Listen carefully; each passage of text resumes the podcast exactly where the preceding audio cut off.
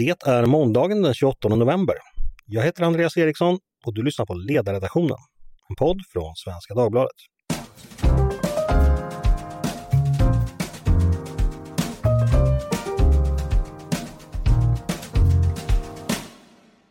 Varmt välkomna! I torsdags höjde, som ni vet, Riksbanken räntan igen. Styrräntan är nu uppe på 2,5 procent. Och bolåneräntorna har förstås också klättrat upp. Den rörliga räntan var redan i oktober runt 3% och kommer väl nu att öka ytterligare. Till glädje till alla oss som har bolån. Vi svenskar har totalt ungefär 4 000 miljarder i lån på våra bostäder. Så varje procents räntehöjning innebär en ganska betydande utgift för hushållen och också för staten eftersom den genom ränteavdraget står för 30% av våra räntekostnader. Och i dessa dyrtider när el och bränslepriser och livsmedelspriser stigit har hushållens ekonomi kommit att diskuteras rätt mycket. Och ett förslag som eh, har diskuterats som skulle kunna påverka vår ekonomi ganska mycket, det är amorteringskravet. Bör det förändras eller rent av tas bort helt? Det tycker, eller i alla fall tyckte en del politiker, bland annat Moderaterna som senast veckan före valet lovade att sätta det nuvarande amorteringskravet på paus. Nu verkar man ha ändrat sig dock. Men hur fungerar egentligen amorteringskravet? Varför har vi ens ett sådant? Vilka fördelar och nackdelar finns det för den enskilde och för samhället? Det ska vi fördjupa oss i idag. Och med mig för att göra det har jag två gäster, nämligen Henrik Brackonier som är chefsekonom på Finansinspektionen och Frida Bratt som är privatekonom på Nordnet. Varmt välkomna båda två! Tack så mycket! Tack så mycket! Dagens amorteringskrav, bara så alla som lyssnar är med, det har tillkommit i två omgångar. Det första kom 2016 och därefter ett så kallat skärpt amorteringskrav som kom 2018. Idag kan man behöva amortera upp till 3% av lånet varje år om lånet då är tillräckligt stort i förhållande till dels eh, köpeskillingen för ens bostad och eh, dels ens inkomst före skatt. Har man lånat mindre än 50% av bostadens värde och har under 4,5 gång av sin årsinkomst i lån, då behöver man inte amortera alls. Till att börja med dig Henrik och den myndighet du representerar. Ni kan ju allt om amorteringskrav. Eh, om vi verkligen börjar från början. Vad är anledningen till att man har valt att reglera i vilken grad och vilken takt ett lån ska betalas av? Borde inte det egentligen vara en sak mellan borgenär och gäldenär? Varför ska någon annan lägga sig i det? Ja, nej men det kan man ju tycka, men orsaken till att, att det regleras i Sverige eh, är ju att, eh, man ska säga som så här, i de flesta länder är det ju, ligger det ju i ett naturligt bolånekontrakt att man amorterar, oftast i en ganska hög takt. I många länder så ligger man över 3% Så det har liksom varit standardkontraktet väldigt länge. Vi och några andra länder gled ifrån det här i, under slutet på 90-talet, början på 2000-talet och det började bli vanligare med amorteringsfria lån kan man säga. Eh, det blir till och med ett konkurrensmedel för en del av bankerna att, att, så att säga, tillhandahålla amorteringsfria lån. Eh, så att någonstans kommer kom vi liksom från en, en, eh, en, en värld där det var naturligt till att, att det inte var lika naturligt i, i, i Sverige. Eh, orsaken till att det behövs reglering eller varför vi inte vill att folk ska ha hur höga skulder som helst. Vi tror för det första att vissa eh, bolånetagare kan behöva skyddas från risker som de inte riktigt förstår. Eh, vi kan ta den situation vi har idag eh, där amorteringskraven faktiskt har gjort att vi kom in i det här läget med lägre skulder och lägre bostadspriser än vi annars skulle haft. Och det innebär ju också att räntekostnaderna hade stigit mer för många hushåll eh, bostadspriserna hade fallit kraftigare om vi inte hade haft dem på plats. Så det är ett sätt att skydda hushållen, eller vissa hushåll eller vissa bolånetagare. Och i förlängningen innebär det också ett skydd för samhällsekonomin, för då blir fallet i konsumtionen till exempel lägre. Och i värsta fall, och då säger jag verkligen värsta fall, eh, blir liksom fallet i ekonomin för stort så skulle det även kunna hota den finansiella stabiliteten. Så att enkelt skydda hushållen, skydda ekonomin och skydda i sista ändan det finansiella systemet. Mm. Eh, för nu när det har då kommit upp diskussion, eh, amorteringskravet med anledning av att hushållen då är pressade av, av andra kostnader, så tycker många att det är väl dumt att man ska då tvinga hushållen att, eh, som man kallar det, tvångsspara. Så då har ju regeringen frågat er om ert råd och ni säger då att amorteringskravet ska fortsätta finnas kvar för att ni tycker det fungerar väl. Eh, kan du bara kort redogöra varför det fortfarande ska finnas kvar givet hur mycket som annat som förändrats i ekonomin? Det var ju så att, att vi hade ju en, gjorde ju en generell paus i amorteringskravet under pandemin och jag tror det är det som många liksom refererar till när de funderar på men borde man inte släppa, släppa på amorteringskravet denna gången också tillfälligt? Eh, precis som vi gjorde under pandemin. Den stora skillnaden var ju att under pandemin, eller snarare i början av pandemin, eh, när, vi, när vi gjorde en paus i det generella amorteringskravet, då, då var ju det ekonomiska läget exceptionellt osäkert. Det fanns prognosmakare som pratade om att BNP skulle falla 10% Det var också så att alla politikområden försökte understödja hushållens ekonomi och företagens ekonomi också. Vi fick, vi fick liksom skattelättnader, vi fick Riksbanken sänkte penning, eh, räntorna och penningpolitiken blev mer stimulerande. Och då var det naturligt för oss också att amorteringskravet kunde hjälpa åt samma håll. Idag Eh, så ser situationen annorlunda ut. Att Riksbanken försöker ju faktiskt strama åt ekonomin genom att höja räntorna. Och skulle vi släppa på amorteringskravet i ett sådant läge så skulle det delvis motverka penningpolitikens inriktning. Så då drar vi inte åt samma håll allihopa. Mm. Sen har vi också i den rapport vi skickade in till regeringen visat att, eh, att ha en paus i amorteringskravet, alltså låta alla som amorterar göra en paus, är ganska, har ganska låg träffsäkerhet. Det vill säga det, det gynnar inte primärt de som som drabbas hårt av, av höga elpriser och eh, folk får knapert ekonomiskt. Så det är inte ett särskilt effektivt sätt att, att, att, att stödja de hushåll som behöver hjälp. Life is made up of many gorgeous moments. Cherish them all, big and small, with Blue Nile. Whether it's for yourself or a loved one, Blue Nile's unrivaled selection of expertly crafted fine jewelry and statement pieces help make all your moments sparkle. Blue Nile's experts are on hand to guide you, and their diamond guarantee ensures you get the highest quality at the best price. Celebrate a life well lived in the most radiant way and save up to 30% at BlueNile.com. That's BlueNile.com.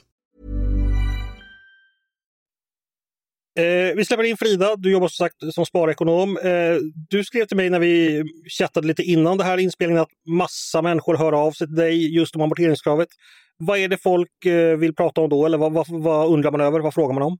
Man undrar hur det blir med amorteringskravet därför att eh, som vi har varit inne på så var det ju faktiskt en diskussion i valrörelsen om amorteringskravet. Det var ju fler partier som tidigt sa att man ville ta bort det här förstärkta amorteringskravet som infördes 2018 men sen också som vi har nämnt eh, Moderaterna där ju vi har finansminister och finansmarknadsminister som har de här frågorna på sitt bord eh, kommer ju från det parti som faktiskt ville pausa hela amorteringskravet eh, och Eh, det där tog väl många som en intäkt för att någonting kommer att hända och nu när vi går mot tuffare tider, jag ska säga det att jag upplever att många vill amortera. Alltså man tycker det är sunt och rimligt att tagna lån ska betalas tillbaka.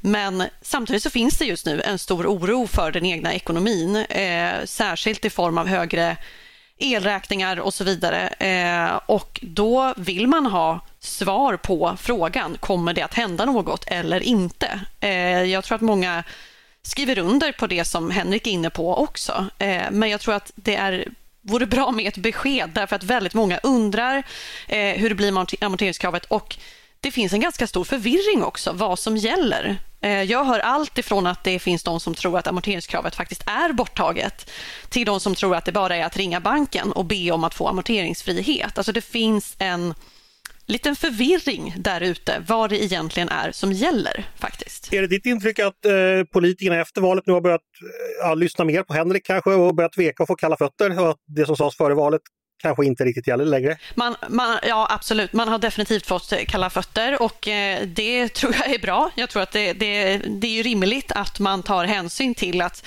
man eh, drar åt samma håll när det gäller penningpolitik och finanspolitik. Vi vill inte stå i ett läge där eh, hushållen har kvar sina höga skulder men vi får ett ännu högre ränteläge därför att Riksbankens räntehöjningar blir mer ineffektiva så att säga. Eh, så jag tycker inte att man ska kasta bort eh, amorteringskravet men eh, jag tror verkligen att man behöver komma med ett besked om man nu har fått kalla fötter från politikernas sida.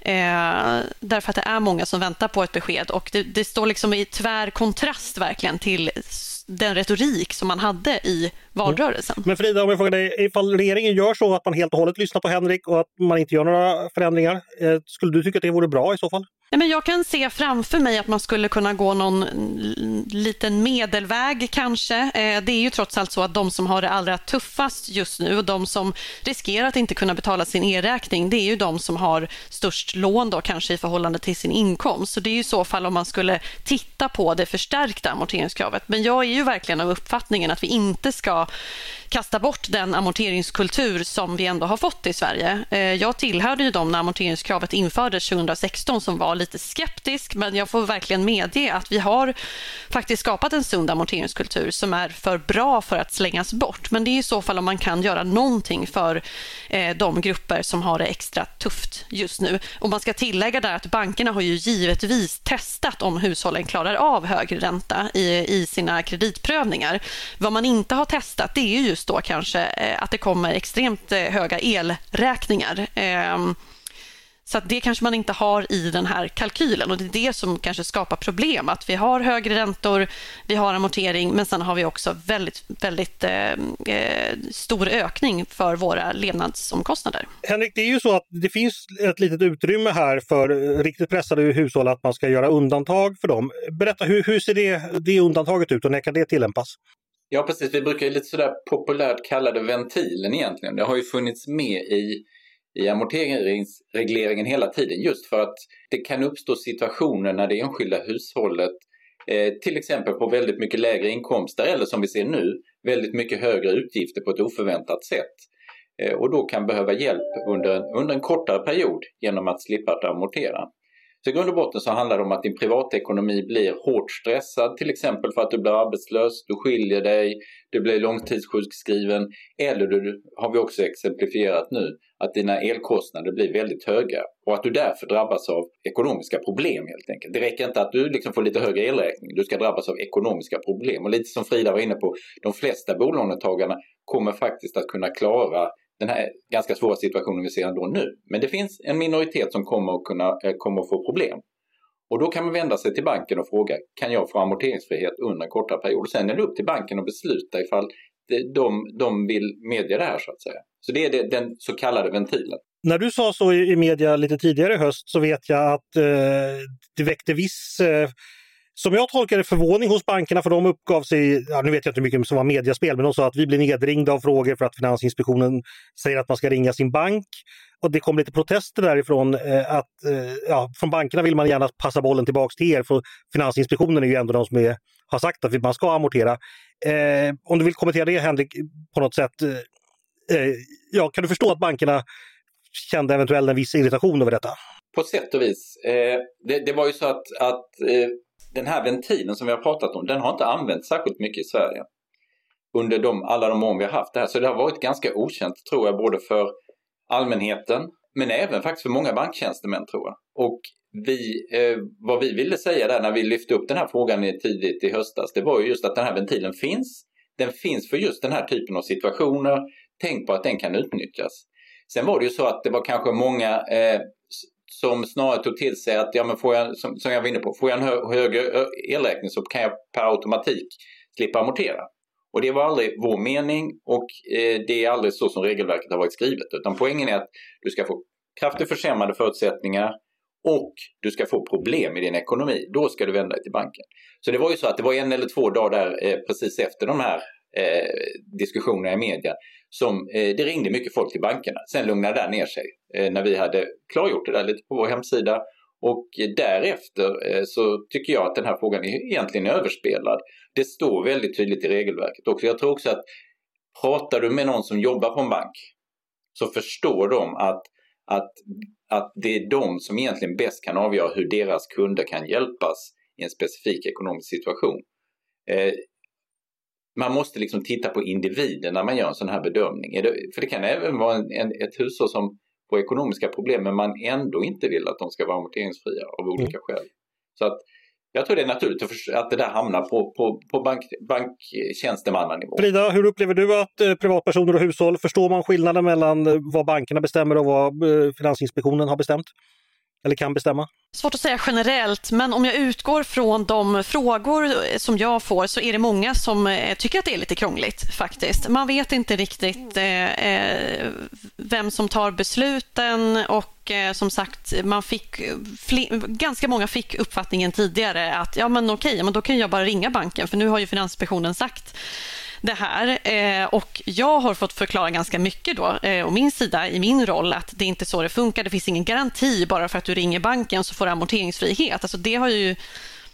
Det finns verkligen eh, eh mycket funderingar kring det där eh, och vem det är som egentligen tar beslutet och vad det beror på. Så att, ja, men det finns lite förvirring. Så det, det är ändå det jag upplever. Sen eh, eh vet inte hur man skulle gjort annorlunda, eh, men det finns en viss förvirring. Var börjar liksom min banks ansvar och eh, var tar det slut så att säga? Vi hoppas att folk lyssnar på oss så kanske de blir mindre förvirrade. Jag tänkte övergå till att fråga lite allmänt om ekonomin i, i, i stort. Och då vänder jag mig till dig Henrik. Alltså, jag har svaga minnen av att när, när jag läste nationalekonomi att eh, när det var lågkonjunktur och sånt då ville man ju helst stimulera ekonomin. Man ville att folk skulle, skulle konsumera och att man skulle hålla, alltså att ekonomin fortsatte snurra och så vidare. Och vi befinner oss i ett ekonomiskt läge där, där det går neråt.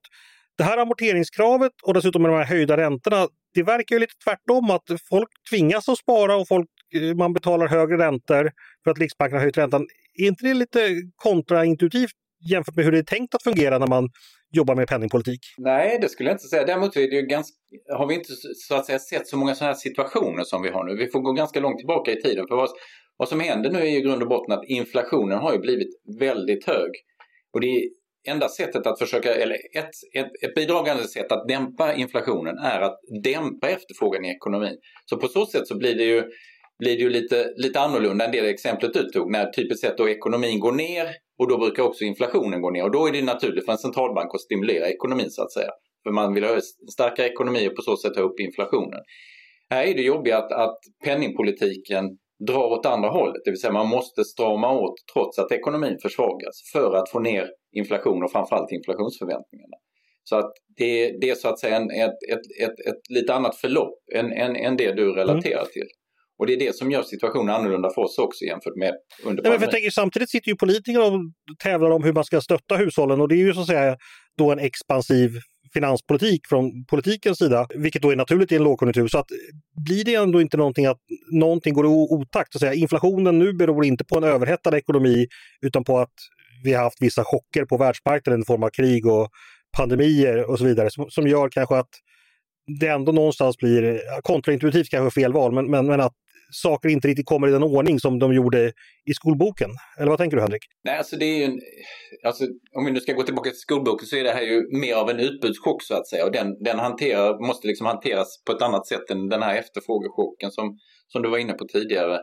Eh, jag läser det ju snarare som att, att politikerna dessutom nu Eh, inser eh, att det är den här problematik vi sitter i och därmed har man ju faktiskt skalat bort ganska mycket vallöften och sånt och säger att vi får, nu får vi liksom vara ganska strama här och nu och så kanske vi kan liksom komma tillbaka till våra vallöften sen. Eh, så att jag tror att även politiken har insett den här, den här problematiken att vi kan inte stimulera oss ur den här situationen för då får vi ännu mer inflation och då kommer Riksbanken att höja räntorna ännu mer och då har vi inte vunnit någonting på det hela. Men det gör ju det ganska svårt och det, därför blir det extra viktigt att, eh, för, för det, det, det, är hushåll som kommer i kläm här. Och de behöver hjälp. Så det måste vara väldigt liksom, stöd med precision skulle jag säga för att hjälpa de som får det svårt.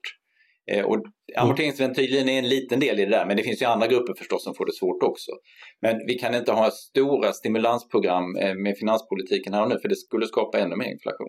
Jag tänkte fråga dig som, som känner eh, så att säga, hushållen och, och hur marknaden ser ut. Vi pratar om amorteringskultur och att i andra länder så är det så att man köper ett hus och sen betalar man av det på alltså 30 år. Då innebär det en amortering på 3,33 procent om man räknar rätt i hastigheten Eh, per år då, vilket är högre än det högsta amorteringskravet idag. Eh, är det någonting som svenskarna generellt tänker när de köper bostad? Det här ska jag betala av under mitt yrkesliv. Eller tänker man att man kanske inte ska amortera alls utan det man ska klara det är finansieringskostnaden, det vill säga räntan. Har, har, har du någon uppfattning om hur folk resonerar i sina ekonomiska kalkyler?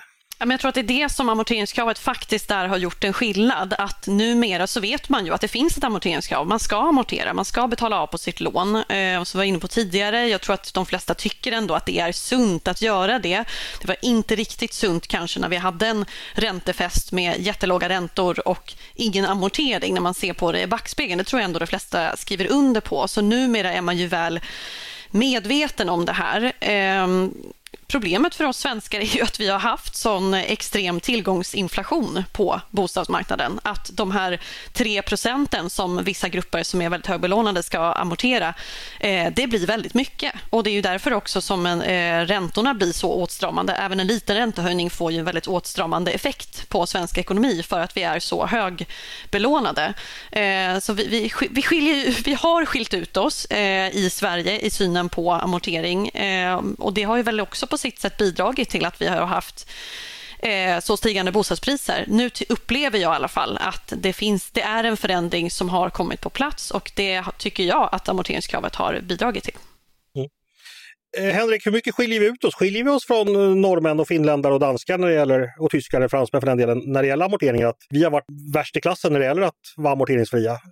Alltså vi, vi skiljer oss. Det, man, de finansiella marknaderna och bolånemarknaderna de ser väldigt annorlunda ut i väldigt närliggande länder. Eh, vi och Norge skulle jag säga har haft en ganska lik utveckling. Vi hade, där hade vi ganska mycket amorteringsfria lån. Vi har infört ganska mycket liknande regleringar i de här två länderna. Finland hade aldrig den här så att säga uppluckringen av kultur på samma sätt. Eh, Tyskland inte heller. Frankrike än mindre. De hade mycket mer liksom konservativa banker eh, konservativa hushåll som, som, som liksom levde med det här att ja, men tar du ett lån så ska du betala tillbaka det och ju snabbare desto bättre nästan. Nej, det är inte riktigt så men, men, men så att det skiljer sig väldigt mycket mellan länder. Utan det, var, det var Sverige, Norge, det var i viss mån Danmark, eh, Holland, Storbritannien, USA där, där man liksom fick en lite mer frikostig kreditkultur kan man väl säga. Eh, och där är många av de här länderna där man har infört regleringar då istället för att ersätta egentligen vad som var, tidigare var ett normalt bankkontrakt. When you're ready to pop the question, the last thing you want to do is second guess the ring. At Bluenile.com you can design a one-of-a-kind ring with the ease and convenience of shopping online. Choose your diamond and setting. When you find the one, you'll get it delivered right to your door. Go to Bluenile.com and use promo code LISTEN to get $50 off your purchase of $500 or more. That's code LISTEN at Bluenile.com for $50 off your purchase. Bluenile.com code LISTEN. En fråga till er båda som jag är lite nyfiken på. Man kan ju tänka det här i någon sorts livscykelperspektiv. Att antingen då så, ja, eh, man växer upp och man skaffar ett jobb och sen eh, träffar man någon man vill leva med och så köper man ett hus när man är 30 år och, och, och lånar massa pengar. Och så antingen då så betalar man av lånet under de närmsta 40 åren tills man är 70 år, då barnen är utflugna och då säljer, då säljer man huset. Och då är det antingen då så har man inget lån kvar och då får man en stor summa pengar i handen som du så att säga har sparat ihop under de här 40 åren, eh, tvångssparat då med ett amorteringskrav. Eller så är det så att du inte har amorterat någonting, men du säljer huset och då betalar du tillbaka lånet och ja, går lycklig därifrån. Om man väger de här möjligheterna mot varandra eh, för individen, hur, hur tror ni individerna resonerar där och vad är det bästa för samhället? Så att säga där. Eh, om vi börjar med dig Frida, om du förstår liksom vad jag menar, att det är två olika sätt att tänka på pengar och tänka på när pengar ska användas under livet. Vad tror du folk gör helst? Eh, vill man inte hellre ha pengarna när barnen är små och man ska åka på fjällsemester än när man är 70 år och inte kan åka skidor längre? Så att säga? Ja, det finns absolut en sån aspekt, men sen tycker jag också man ska tänka på alternativsparandet. Eh, därför att eh, om du... Det är det som blir en... Det måste man ha med sig i den här diskussionen och då vill jag verkligen poängtera att jag tycker att amortering är bra, men anledningen till att amortering kanske inte har varit så attraktivt under åren med låg ränta, det är ju för att liksom, den avkastning som man kan säga inom citationstecken då, får från amortering motsvarar ju den bolåneränta du annars skulle ha betalat. Och då finns det ganska många som jämför den avkastningen, det vill säga 1,5 ungefär, det är där som bolåneräntorna har legat, med den avkastning som finns på börsen exempelvis. Mm. Och då har de där två skilt sig ganska mycket under de senaste åren. Så man kan också tänka ett scenario där man då har eh, placerat samma pengar på börsen och sen går det, betalar av det här huset då ganska fortare, eh, eller fortare om allt då går som man vill. Det vet man inte heller därför att det är en annan typ av risktagande, självklart. Om du sätter det här i aktiefonder, eh, så att säga. Eh, så att man måste ha med, jag tror att många resonerar som så att det har ju funnits ett mer lockande alternativ under lågränteperioden här. Eh, och då får man ju vara säga att det har varit ett mer effektivt sparande eh, att vara på börsen under de här åren än att amortera. Och det har varit ganska enkelt att liksom räkna hem. Nu har det där ändrats lite grann i och med att räntorna har stigit. Eh, men jag menar, hushållen tänker ju rationellt. Eh, så det är liksom en aspekt som är viktig att ha med sig. Sen om man väljer att spendera pengar när barnen är små eller när man är pensionär och så vidare, ja, det är ju individuellt. Men mm. jag tror att man ska ha med sig den här faktorn ändå när man tittar på det. Eh, jag har egentligen samma fråga till dig Henrik, det här med att det här ändå blir en sorts tvångssparande där man under hela livet eh, får, får spara och sen ja, när man säljer huset sen och det är avbetalt, då får man massa pengar men det är kanske inte det folk vill ha helt enkelt. Det kanske går emot hushållens preferenser. Nej men det, det kan det ju definitivt göra. Sen, sen eh, som Frida lite inne på att i grund och botten så, så handlar det ganska liksom mycket om hur mycket risk ska vi ta, vilken avkastning kan vi få på, på vår hela portfölj. Om du inte då amorterar och istället investerar allt det där på börsen, eh, då får du ju liksom en, då, du kommer ha större skulder Eh, men du kommer samtidigt ha en tillgångsmassa som när det går bra så, så stiger värdet på ditt hus och dessutom värdet på din börsportfölj.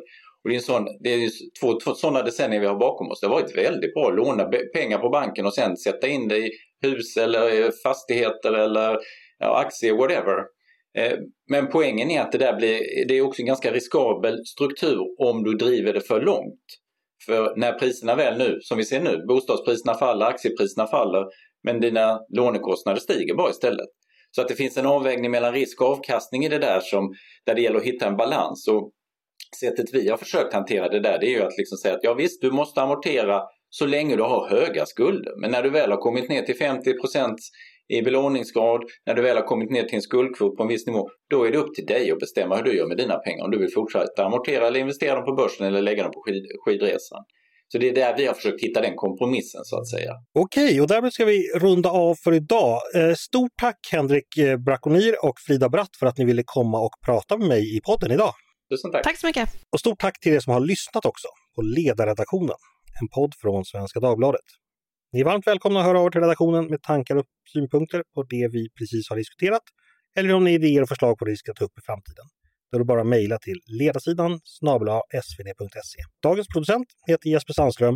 Jag heter Andreas Eriksson och jag hoppas att vi hörs igen snart.